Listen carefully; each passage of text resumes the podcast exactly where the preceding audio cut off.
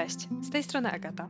Jestem dietetyczką kliniczną i w tym podcaście pomagam zrozumieć zaburzenia hormonalne takie jak PCOS, insulinooporność czy choroby tarczycy i tym podobne. Pragnę nauczyć Cię współpracować ze swoim ciałem, zamiast walczyć i zrozumieć, co ono próbuje Ci przekazać poprzez zaburzenia hormonalne. Zostań ze mną, aby dowiedzieć się więcej i zapraszam Cię do wysłuchania dzisiejszego odcinka.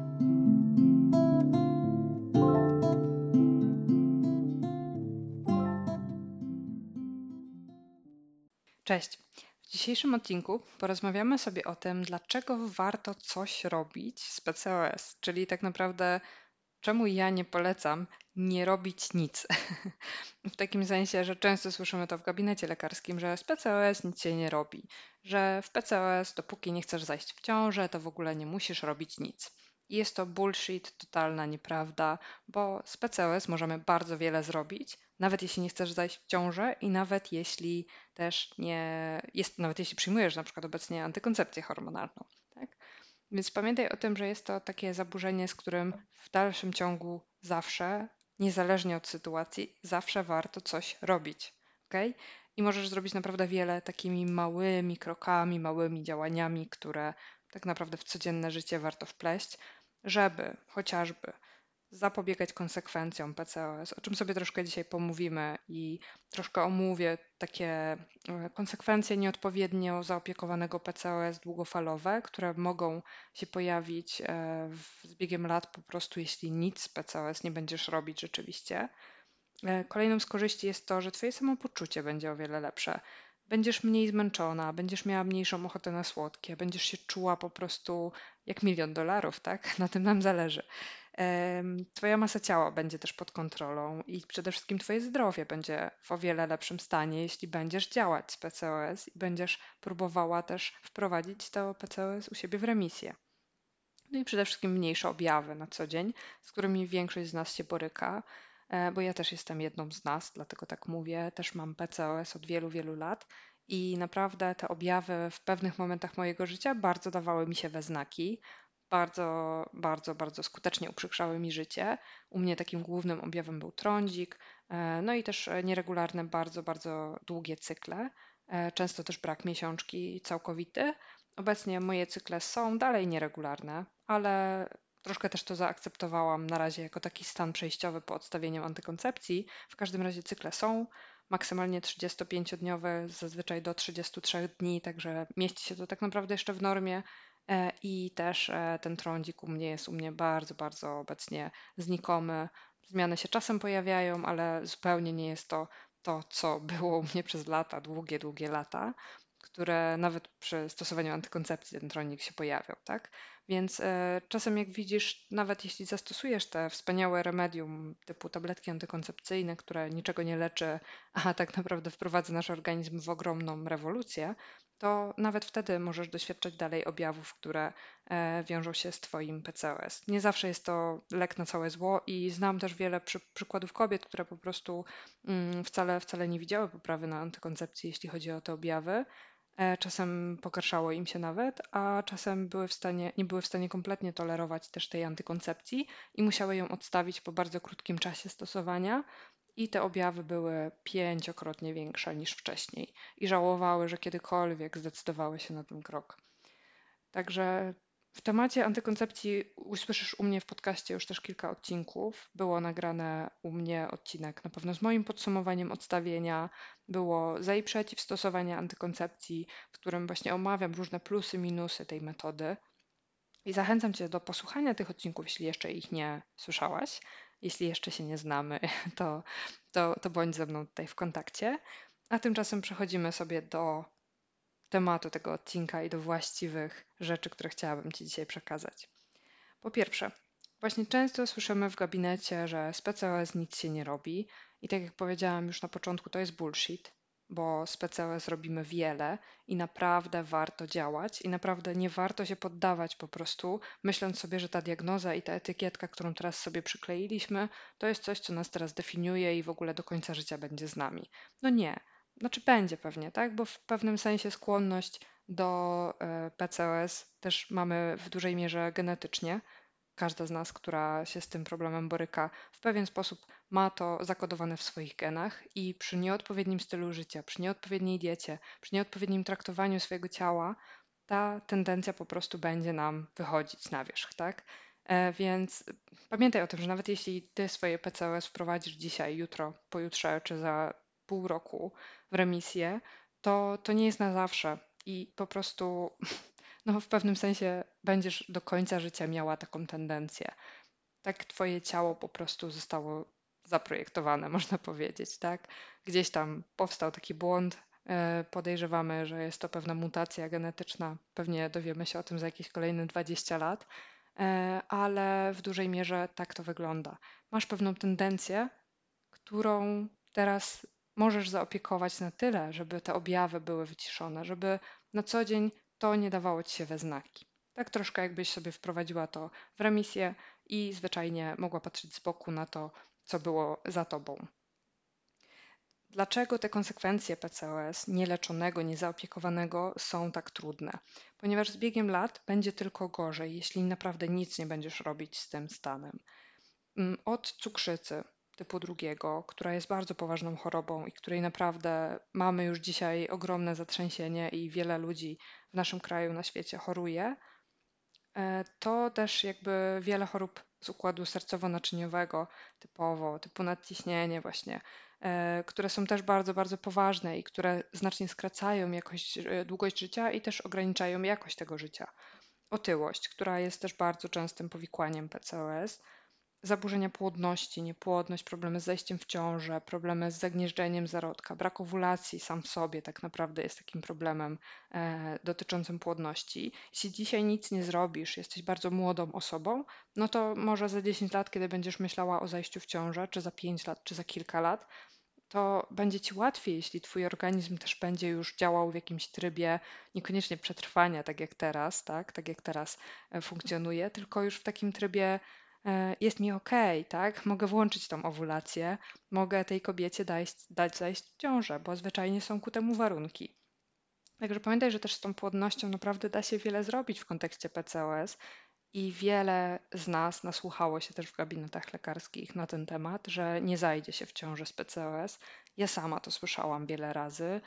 E, I słyszałam, że moje endometrium to jest cienizna, i słyszałam, że z takimi jajnikami to nigdy nie zajdę w ciążę, i z taką macicą, i w ogóle ze wszystkim, co mnie dotyczy.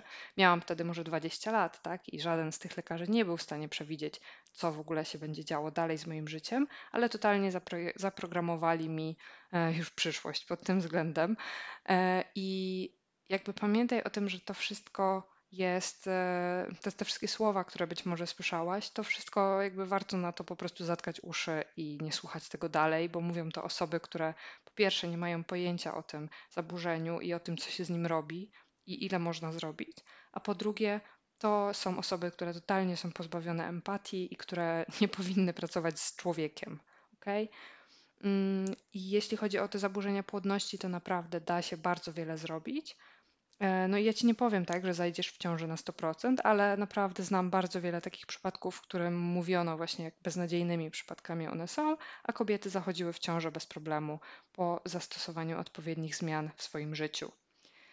No i jeszcze jedną z takich konsekwencji, przed którą też warto się ustrzec, jest to rak endometrium, jako że ta śluzówka złuszcza się nieregularnie, te miesiączki są mm, nieregularne, są bardzo długie cykle, to nie dochodzi jakby do prawidłowego tutaj złuszczania regularnie, tak jak u zdrowej kobiety powinno ono następować. Także też jest to jedno z, e, jedno z ryzyk, e, taki, taki rodzaj nowotworu związany właśnie z tymi nieregularnymi miesiączkami.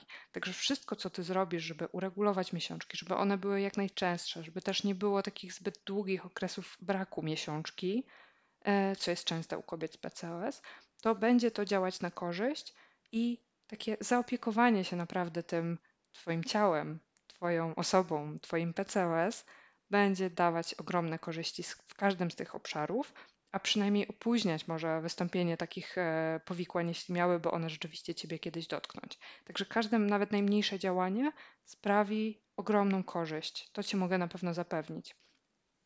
E, jeszcze jest właśnie taki wątek, moim zdaniem, bardzo istotny. Jeśli przyjmujesz antykoncepcję hormonalną, to pamiętaj, że dalej, dalej warto, warto, warto, warto coś robić. Tak? Jeśli przyjmujesz nawet tą antykoncepcję i wyłączasz sobie hormony w tym czasie, bo cudownie regulujesz swoje cykle tymi tabletkami, a przynajmniej tak ci obiecano, e, i być może chcesz je po prostu przyjmować obecnie, być może jest to teraz coś, na co nie jesteś gotowa, może nie myślisz dzisiaj o odstawieniu, może naprawdę czujesz się na nich ok, ja przez wiele lat też je brałam i czułam się naprawdę ok.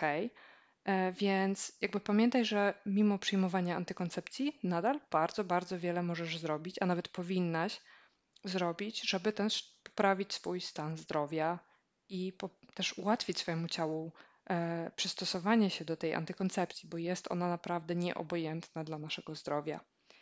E, I tutaj ponownie odsyłam Cię do tych odcinków o antykoncepcji. E, będąc w tym temacie, chciałabym tak przypomnieć właśnie, jeśli przyjmujesz antykoncepcję hormonalną, pamiętaj o regularnych badaniach. To jest taki mega, mega podstawowy, ale bardzo ważny krok. Ważne, żebyś dwa razy w roku, raz w roku, minimum, minimum raz w roku wykonała podstawowe badania kontrolne typu morfologia, profil lipidowy, gospodarka glukozowo-insulinowa, e, stan wątroby, czyli ALAT, ASPAT, e, GGTP, tak I to są takie badania, które też pozwolą sprawdzić, jak Twój organizm toleruje tą antykoncepcję. Będziesz widzieć z biegiem lat, czy coś się zmienia. U mnie na przykład bardzo, bardzo pogarszał się z roku na rok profil lipidowy i gospodarka węglowodanowo-insulinowa. Naprawdę one przez lata u mnie leżały i naprawdę nie byłam w stanie nic z tym zrobić, praktycznie żadnymi działaniami, które wprowadzałam naturalnymi. Dopiero teraz po odstawieniu antykoncepcji po ponad pół roku niebrania tej antykoncepcji i naprawdę intensywnych dalszych działaniach naturalnych, kiedy już próbowałam wszystkiego po prostu, co mogłam, dopiero teraz ten stan się poprawił i naprawdę mam fajne wyniki badań, jakich nie miałam od 15 lat. Ale przez te lata wszystkie stosowania antykoncepcji wyglądało to tragicznie, naprawdę. I choćbym stawała na rzęsach, to naprawdę nie byłam w stanie wiele z tym zrobić. Ta antykoncepcja tak mocno też wpłynęła na mój organizm. E, więc badaj się, sprawdzaj, jak to jest u ciebie i pamiętaj o tym, że te skutki uboczne naprawdę będą mniejsze też po odstawieniu, jeśli będziesz odpowiednio dbać o swoje ciało w trakcie stosowania antykoncepcji jeśli też odpowiednio przygotujesz się do ewentualnego odstawienia. Więc e, nie odstawiaj absolutnie tabletek na rachu ciachu z dnia na dzień od tak, bo kończy się opakowanie i chciałabyś coś zmienić w swoim życiu. Nie jest to najlepsza metoda, a przynajmniej jest to metoda, która może spowodować u ciebie ogromny, ogromny nawrót objawów zdwojoną, zestrojoną siłą. Mm, więc przygotuj się odpowiednio też do tego odstawienia, tak żeby zrobić to naprawdę z głową. Tutaj polecam Ci odcinek właśnie e, mój podcastu, chyba odcinek 15, w którym opowiadam o mojej historii i o tym, jak odstawić tabletki antykoncepcyjne z głową. Mm, zachęcam Cię też do zapisania się na listę oczekujących właśnie na mój program dotyczący odstawienia antykoncepcji hormonalnej, gdzie będę tłumaczyć krok po kroku, co robimy, E, jakie zmiany wprowadzamy, jak e, działamy dietetycznie, jak działamy stylem życia, jaką suplementację wprowadzamy, mm, co też robić w Twoim przypadku w zależności od Twoich wyników badań i od Twojego stanu organizmu. Okay? Także taki kompleksowy poradnik w formie kursu mm, i e-booka na pewno będzie przeze mnie wkrótce przygotowany. I zachęcam Cię do tego, żeby zapisać się na listę oczekujących, usiąść w pierwszym rzędzie i czekać, aż on się pojawi i aż będziesz mogła z niego skorzystać. E, linki oczywiście będą w opisie tego podcastu. E, no i w tym temacie tak naprawdę pamiętaj o tym, co możesz zrobić w PCOS. Podrzucam Ci odcinki też moich podcastów, w których już bardzo, bardzo dużo mówiłam o tym, co robimy w diecie w PCOS, jakie są podstawy hormonalne, o które warto zadbać. I to, czy przyjmujesz antykoncepcję, czy jej nie przyjmujesz, czy przyjmujesz jakiekolwiek leki e, hormonalne czy niehormonalne na PCOS, to naprawdę każdy z tych rad możesz wykorzystać już dzisiaj. I już dzisiaj możesz dbać o swoje ciało. I już dzisiaj możesz wiele, wiele, wiele z tych metod po prostu włączyć do swojego życia. Także te odcinki te trzy odcinki, o których wspomniałam, o odstawieniu antykoncepcji, o diecie w PCOS i o podstawach hormonalnych, to jest naprawdę ogromna dawka wiedzy, która pomoże Ci już też wystartować z czymś dzisiaj. E, w tym odcinku chciałabym tak bardziej ogólnie o tym powiedzieć, nie chcę się powtarzać, o tym, co już zostało przeze mnie powiedziane, nagrane i co się nie zmieniło. Jest to dalej aktualna wiedza. Także koniecznie zapisz sobie te odcinki do wysłuchania. Wszystkie linki będą też na dole. E, no i jeśli chodzi o zajście w, cią w ciążę w przyszłości, to tak naprawdę pamiętaj, że jeśli zajmiesz się swoim PCOS, to naprawdę te owulacje mogą być regularne, a przynajmniej mogą się pojawić częściej niż teraz. E, nawet jeśli teraz to jest e, nigdy, tak? Jeśli one obecnie w ogóle się nie pojawiają, to jest oczywiście to możliwe, żeby te owulacje przywrócić. E, zwykle nad prawidłową owulacją pracujemy około 3 miesięcy, a przynajmniej jakby od momentu rozpoczęcia takich intensywnych zmian w swoim życiu. Jest szansa, że za 3 miesiące ta owulacja się pojawi, gdyż te 3 miesiące 90 dni to jest mniej więcej taki okres, kiedy dojrzewają właśnie prawidłowo komórki e, jajowe. Także jakby działając nad tym wszystkim, o czym, o czym tutaj mówię w tym podcaście, zwiększasz swoją szansę w ogóle na utrzymanie ciąży i też zmniejszasz szansę poronienia. No i zwiększasz rzeczywiście szansę wystąpienia owulacji, tak? Jej częstość, jej utrzymania. I te wszystkie czynniki, one są naprawdę bezcenne. E, możesz oczywiście posiłkować się później lekami, które będą wywoływać, wspierać tą owulację, ale moim zdaniem Twój organizm e, będzie jeszcze bardziej, jeszcze bardziej obciążony tymi lekami. I niekoniecznie chodzi nam o to, żebyś ty za wszelką cenę zaszła w ciążę, żeby maksymalnie po prostu zwiększyć twoje zdolności reprodukcyjne sztucznie, tylko moim zdaniem chodzi o to, żeby uregulować twoje ciało, żeby twoje ciało poczuło się na tyle stabilnie, żeby dać szansę na zapłodnienie. Ok? To są dwie podstawowe rzeczy, tak? Nie jesteśmy ludźmi, którzy działają e, jak zegarek, tak? Nie powinniśmy też sterować naszym ciałem w laboratorium, tak? Na takiej zasadzie troszkę to jakby wszystko działa, tak? Stymulacja owulacji, tak? E, taka hormonalna lekami. Więc moim zdaniem powinniśmy raczej przywracać komfort naszemu ciału, tak żeby ono samo w sobie chciało dawać nam owulacje regularne, żeby ono poczuło się na tyle stabilnie, że może. ok? Więc żadna chemia tutaj, żadne leki nie, nie, nie są ponad tym ponad działaniami, które są w stanie przywrócić komfort Twojemu ciału i jego zdolności reprodukcyjne naturalnie. Dobra, z tym chciałabym Cię dzisiaj zostawić i na tym chciałabym się dzisiaj zatrzymać. Mam nadzieję, że te informacje były dla Ciebie przydatne. Pamiętaj, że wszystkie odcinki są, e, wszystkie linki do odcinków, wszystkie linki, o których wspomniałam, są w opisie tego podcastu, niezależnie od tego, gdzie go słuchasz.